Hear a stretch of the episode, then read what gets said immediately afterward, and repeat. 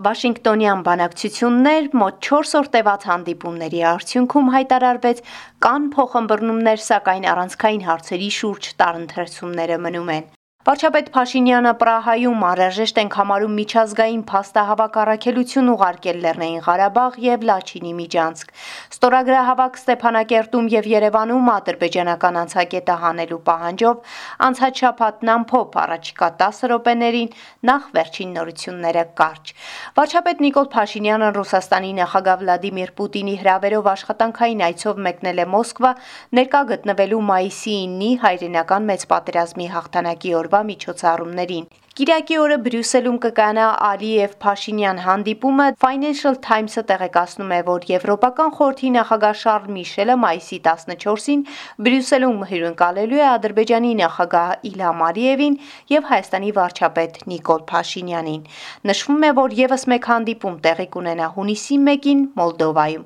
Ավելի վաղ Փաշինյանը Հայաստանի ազգային ժողովում ասել էր, ուրախ կլինի, եթե հունիսի 1-ին Հայաստանի եւ Ադրբեջանի միջև խաղաղության պայմանագիր կնքվի։ Այ երբ որ պատրաստ կլինի,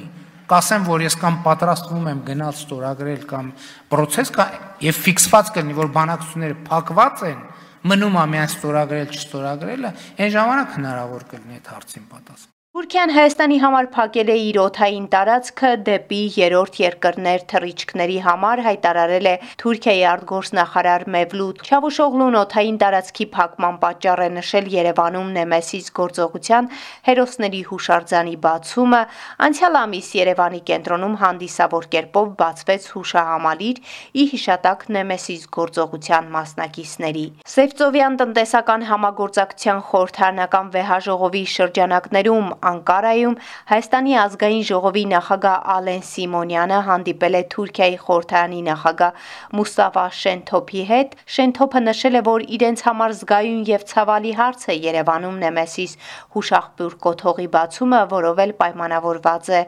արգելքը։ Հարկավոր է հասկանալ, որ ցանկության դեպքում միշտ կարելի է պատճառներ ու առիթներ գտնել հարաբերությունները վատացնելու համար, հավելել է Սիմոնյանը։ Ցավում եմ, որ հուշարձանի տեղադրումը նման արձագանք է ստացել Թուրքիայում։ Ես այս հարցը քննարկել եմ նաև իմ թուրք գործընկերոջ հետ։ Որոշումը կայացվել է տեղական ինքնակառավարման մարմինում եւ ես չեմ ցանկանում, որ հուշարձանի տեղադրումն այստեղ ընկալվի որպես Հայաստանի պետական արտաքին քաղաքականության դրսևորում կամ որպես ոչ բարեդրացական քայլ։ Թուրք լրագրողների հետ հանդիպմանը անդրադառնալով հայ-ադրբեջանական հակամարտությանը Սիմոնյանը շեշտել է, որ Հայաստանը տարածքային պահանջ չունի Ադրբեջանի նկատմամբ եւ պատրաստ է խաղաղության պայմանագիր կնքել։ Ես էլ կարող եի հազար տարբեր պատճառ գտնել Թուրքիա չժամանելու համար։ Բայց ես այստեղ եմ, որպեսզի թուրք հասարակությանը ասեմ, որ Հայաստանը պատրաստ է խաղաղության եւ հարաբերությունների կարգավորման առանց նախապայմանների։ Վաշինգտոնյան բանակցությունները անցած շաբաթ Միացյալ Նահանգներում Հայաստանի եւ Ադրբեջանի արտգործնախարարների միջև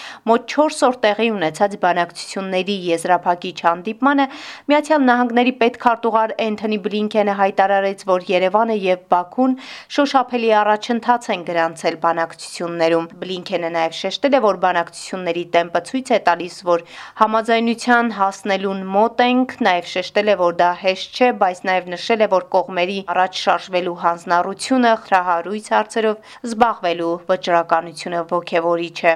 Այսպիսով բանակցությունների արդյունքում կամ փոխհմբռնումներ, սակայն առանցքային հարցերի շուրջ տարակարծությունները մնում են, որոնք են դրանք Նիկոլ Փաշինյանը անդրադարձել է Պրահա պաշտոնական այցի շրջանակներում Ազատություն ռադիոկանի հայկական ծառայությանը տված հարցազրույցում եւ Պրագայում եղել այդ արձանագրումը եւ Սոչիում է վերահաստատվել այդ արձանագրումը, որ Հայաստանը եւ Ադրբեջանը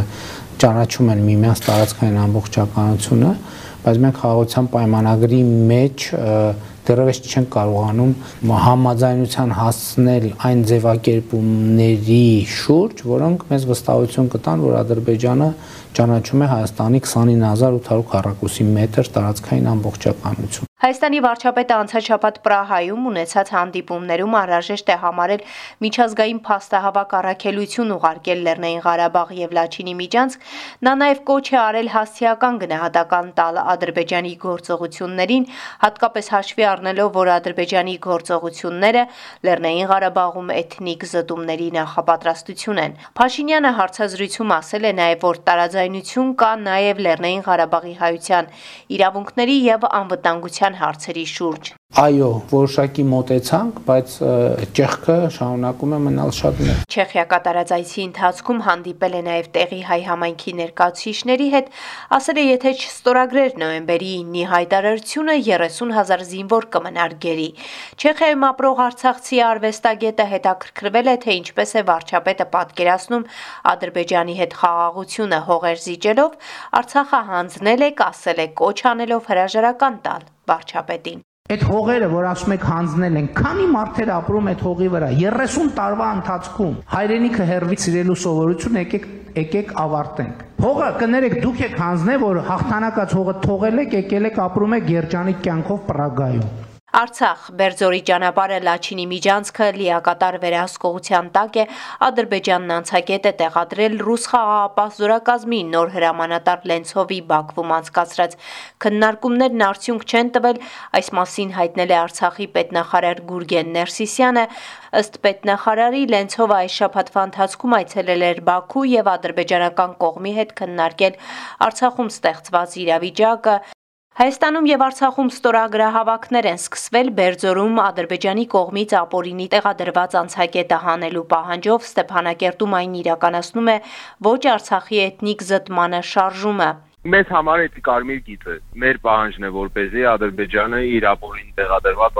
անցակետը այդտեղից հեռացնի։ Մենք տվել ենք նրանց 7 օր ժամանակ, որ เป զի իրանք իրանք լծակներով, իրանք միջոցներով այդ հարցին լուծում տան։ Թե չտրվեց այդ հարցի լուծումը, մենք մեր ձևով կփորձենք մեր խնդիրը լուծել։ Երևանում ազգային ժողովի մարդու իրավունքների պաշտպանության եւ հանրային հարցերի մշտական հանձնաժողովի նախագահ Թագուհի Հովմասյանը Ես կարծում եմ, որ սրանք իրավական եւ լրջագույն պահանջներ են, որ ցանկացած հայ պիտի պահանջի, քանի որ մենք կորցնելով Արցախը իսկապես լրջագույն վտանգ ենք հասցնելու հենց Հայաստանի Հանրապետությանը։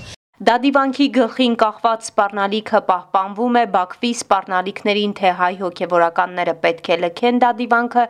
արձագանքել են եւ Մայրաթորից եւ Արցախի թեմից։ Տեր Անդրեաս Քահանա Թավադյանն ասում է. Մեր հոգեվորականները իհարկե շարունակում են իրենց ծառայությունը դադիվանքում եւ միևնույն ժամանակ ռուս խաղապահներն էլ շարունակում են իրենց առաքելությունը պահպանելով վանքը, պահպանելով նաեւ մեր հոգեվորականներին Պատարակ եւ հանրապետական մաղթանք երատոնին ընթരാճ Ստեփանակերտի մայր տաճարում հանրապետական մաղթանքի խորհուրդն ամփոփող է բարեմաղթանքը հավատ, ուժ եւ միասնականություն։ Արցախի թեմի քրիստոնեական դաստիարակության կենտրոնի տնորեն Վաչագան Գյուրջյանի խոսքով մայիսյան հաղթանակները պիտի զորացնեն հայերին դիմակայել այսօրվա դժվարություններին։ Այսօր էլ խաչը իր խորհուրդը չի կորցրել եւ մենք ենք ժամանակ առ ժամանակ հեռանում խաչի խորհրդից։